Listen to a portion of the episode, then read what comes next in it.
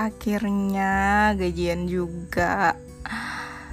Aku seneng banget karena hari ini adalah hari pertama gajian setelah berbulan-bulan vakum gara-gara corona.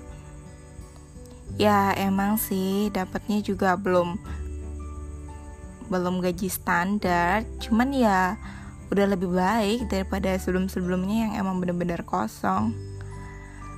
Hmm, saya nggak tahu lagi rasanya tuh seneng banget.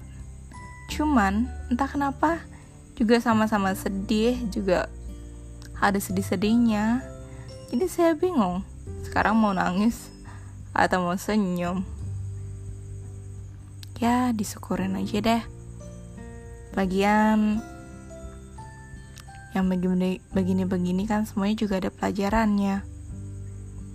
Semoga aja bulan depan dan seterusnya ketika jalan sudah terbuka, aku sudah mampu melewatinya dan melangkah dengan pasti. Hmm,